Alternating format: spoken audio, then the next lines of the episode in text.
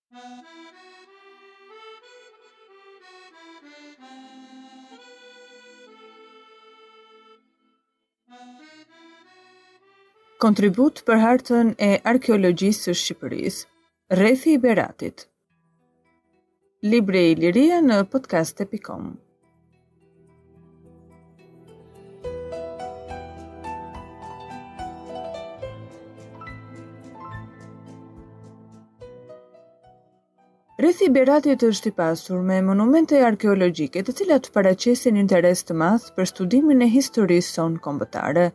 E ndodhur ndërmjet fushave të Myzeqesë dhe zonës malore, kjo krahinë ka në përbërjen e vet kontrastin e menjëhershëm nga zona e butë fushore dhe kodrinore në atë malore.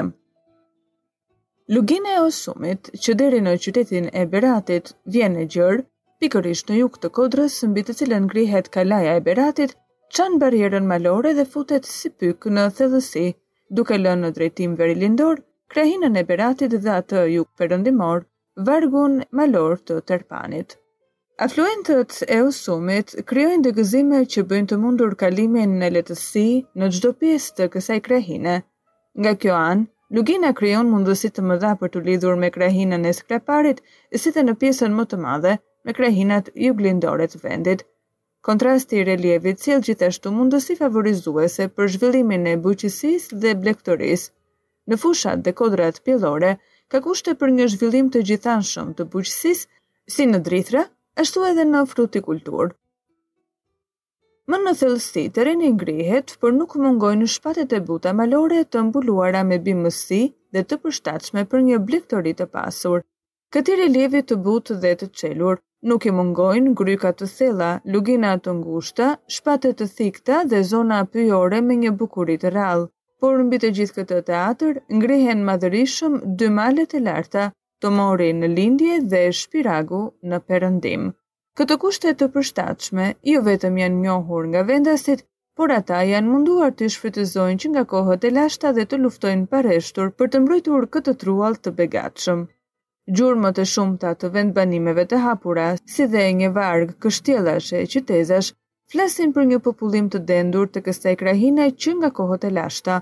Nuk mungojnë as burimet e shkruara antike e mesjetare që japin një listë të gjatë të qendrave të banuara.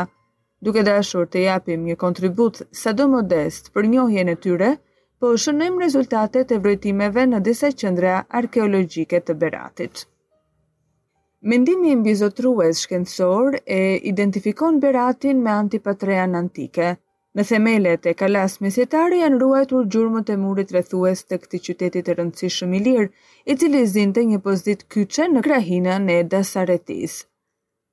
Muret antike dhe gjetjet e tjera arkeologjike dëshmojnë se qyteti antik duhet të ketë qenë themeluar aty nga gjysma e dytë e shekullit katër para erës sonë mbi bazën e një vendbanimi të lashtë paraqytetar.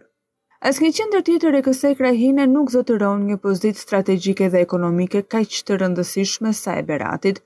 Kjo ka bërë gjatë shekujve që qyteti të mos braktisej dhe në të njëjtën kohë të administronte krahinën, të kontrollonte kalimin përgjatë luginës së Osumit dhe rrugët kryesore që lidhnin ultësirën bregdetare me zonën e brendshme. Për këtë arsye, edhe vendbanimet e krahinës duhen parë në raport me këtë qytet. Burimet historike përmendin një sërë qendrash të banuara nga ato që mund të kërkohen në këtë krahinë, duke u nisur nga kufiri maqedon në drejtim të Antipatreas, përmenden qytetet Koragu, Geruni dhe Orgesi. Nga gjurmimet, Po në këtë krah janë gjetur Kalaja e Tomorit, Kalaja e Irmajt, Gradishta e Balibardhës, Bargullasi, Gradishta e Peshtanit e të tjerë. Ka mundësi që tri qytetet e lashta që përmendëm më lart të gjenden brenda qendrave të gjurmuara që cituam. Por pranë Beratit përmenden edhe qytete të tjera dhe në një kohë nuk janë të pakta gjurmët e vendbanimeve të paidentifikuara si Vokopola e Terpanit, vendbanim i hapur, Mbolani, qytet i fortifikuar, Otllaku, vendbanim i hapur, Kalaja e Goricës dhe ndonjë tjetër. Karakteristikë është se gjithë vendbanimet apo kalatë rreth Beratit janë vendosur në pikë të tilla që shohin lehtësisht atë. Gjithashtu, afërsia me njëra-tjetrën dhe sipërfaqja e tyre e vogël në krahasim me Beratin na japin bindje të besojmë se ky i fundit ka shërbyer si kryeqendër e kësaj zone. Kalaja e Goricës Përballë kalasë së Beratit, mbi kodrën e lagjes Goricë, ruhen gjurmët e një fortese të vogël ilire. Nga maja e kodrës, mbi të cilën gjendet fortesa, syri të kap pothuajse gjithë horizontin me përjashtim të atij juglindor. Lumi që gjarpëron në fund të kodrës të duket si një qenie mitologjike që mbasi ka çarë grykën e thellë shkëmbore, tani ecën i qetë drejt fushave. Kodra, edhe pse nuk ka një mbrojtje natyrale nga ana juglindore zotëron një pozitë të rëndësishme strategjike. Ajo kontrollon mjaft mirë anën e majtë të luginës së Osumit duke plotësuar një nga funksionet e kalasë së Beratit. E ndodhur në bashkimin e lumenjve Osum dhe afluentit të tij Velabisht, kjo fortesë merr rëndësi të dyfishtë. Nga njëra anë, ajo mbyll plotësisht grykën e Osumit, duke pasur përballë kalanë e Beratit, dhe nga ana tjetër, kontrollon mirë dhe nga afër shtegun tjetër që është grykëderdhja e Velibishtit dhe që pasohet nga lugina e këtij lumi, e cila kjo ka rëndësi jo të vogël për të depërtuar jo vetëm në drejtim të Përmetit, por edhe për t'u hedhur përsëri në luginën e Osumit. Janë arsyet e mësipërme, ndoshta edhe ndonjë tjetër, që kanë justifikuar ngritjen e kësaj fortese përballë Kalasë së Beratit dhe e kanë kthyer në një unitet me të. Nga ana veriore, kalaja është e mbrojtur nga shkëmbi natyral, kurse në anët e tjera është rrethuar me mure, të cilat mund të ndiqen pothuajse në të gjithë gjatësinë e tyre. Në anën veriore muret mbështeten tërthor në faqen e thikët shkëmbore dhe vazhdojnë drejt jugut me një lakim në funksion të formës së kodrinës. Një gjurmë e zbetë e një kulle dallohet paksa në anën perëndimore. Muret shtrihen në faqe deri në dy rreshta lartësi, Nga sa kuptohet, prej gjurmëve të ruajtura ato përbëhen nga dy këmisha me mbushje në mes dhe janë ndërtuar me blloqe kuadratike me faqe të jashtme të bymuara. Otlaku Pranë kodrave në veri të fushës së fermës së Otlakut janë gjetur qeramike të lashtë. Enët janë mjaft të fragmentuara. Krahas tyre janë gjetur edhe një sasi tullash shtatë centimetra të trasha dhe njëzet e tre centimetra të gjera. Tullat i përkasin konstruksionit të disa varreve sot të shkatërruara. Varre të tjera, me konstruksion me pllaka guri, gjenden në shpatet e kodrës, në taracat me ullishte. Sipas dëshmive, në një nga varret janë gjetur dy kafka. Një tjetër është zbuluar pjesërisht gjatë hapjes së një tarace. Ishte një varr fëmije me përmasa të brendshme 80 me 33 centimetra. Anët e varrit, 45 centimetra të larta, janë punuar me pllakë guri ranor 4.5 centimetra të trasha. Brenda këtij varri u gjet edhe një enë lëfyt gutus me vernik të zi mat.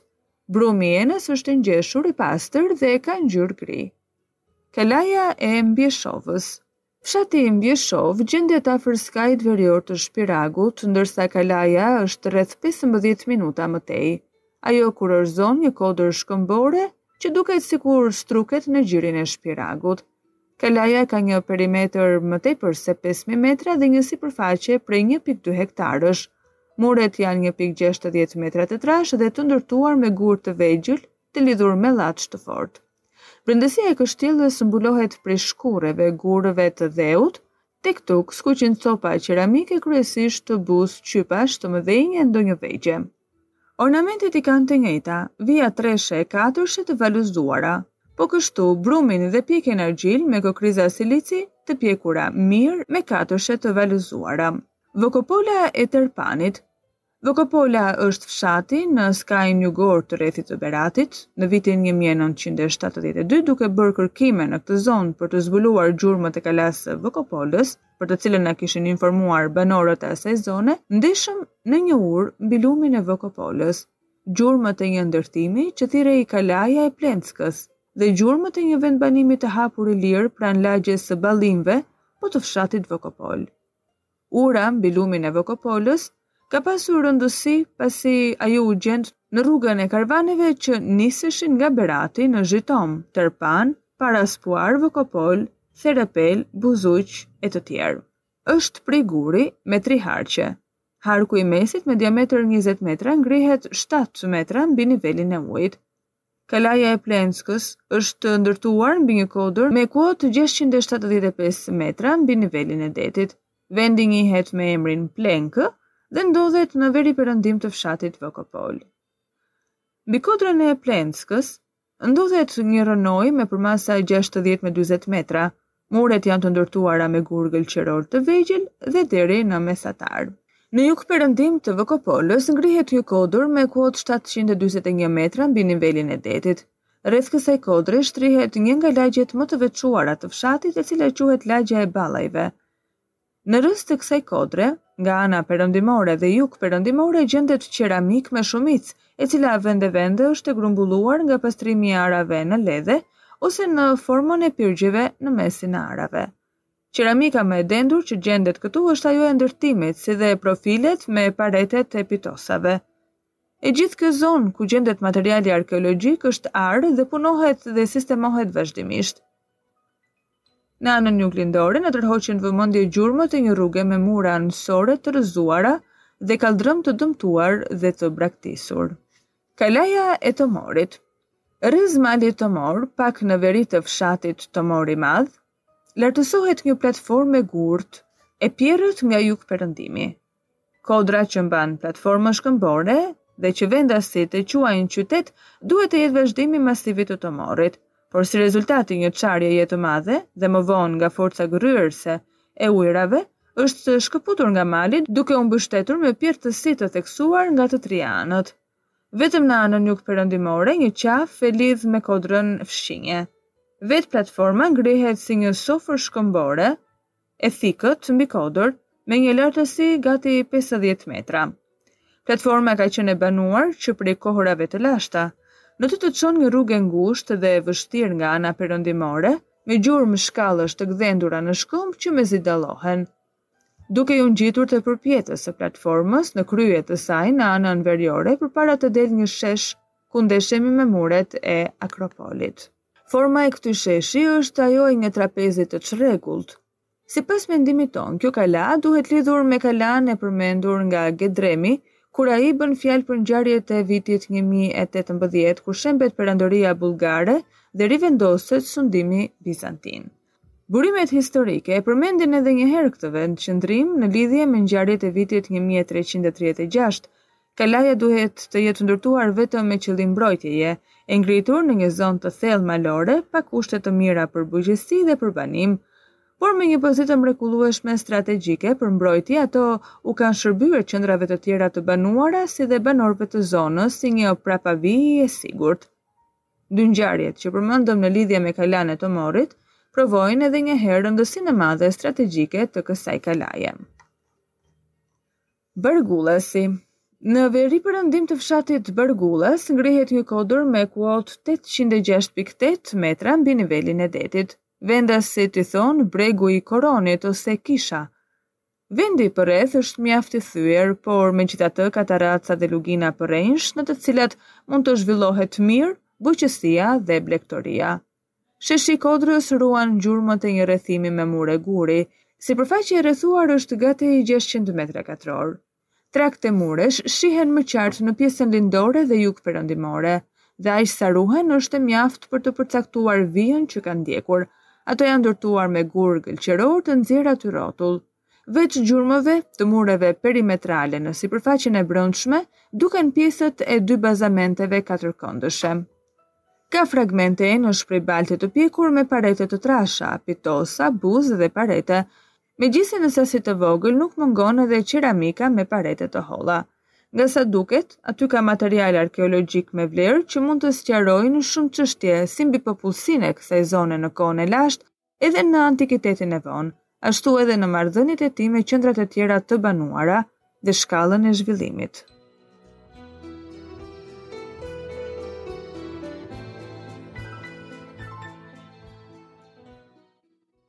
Kontribut për hartën e arkeologjisë së Shqipërisë, rrethi i Beratit.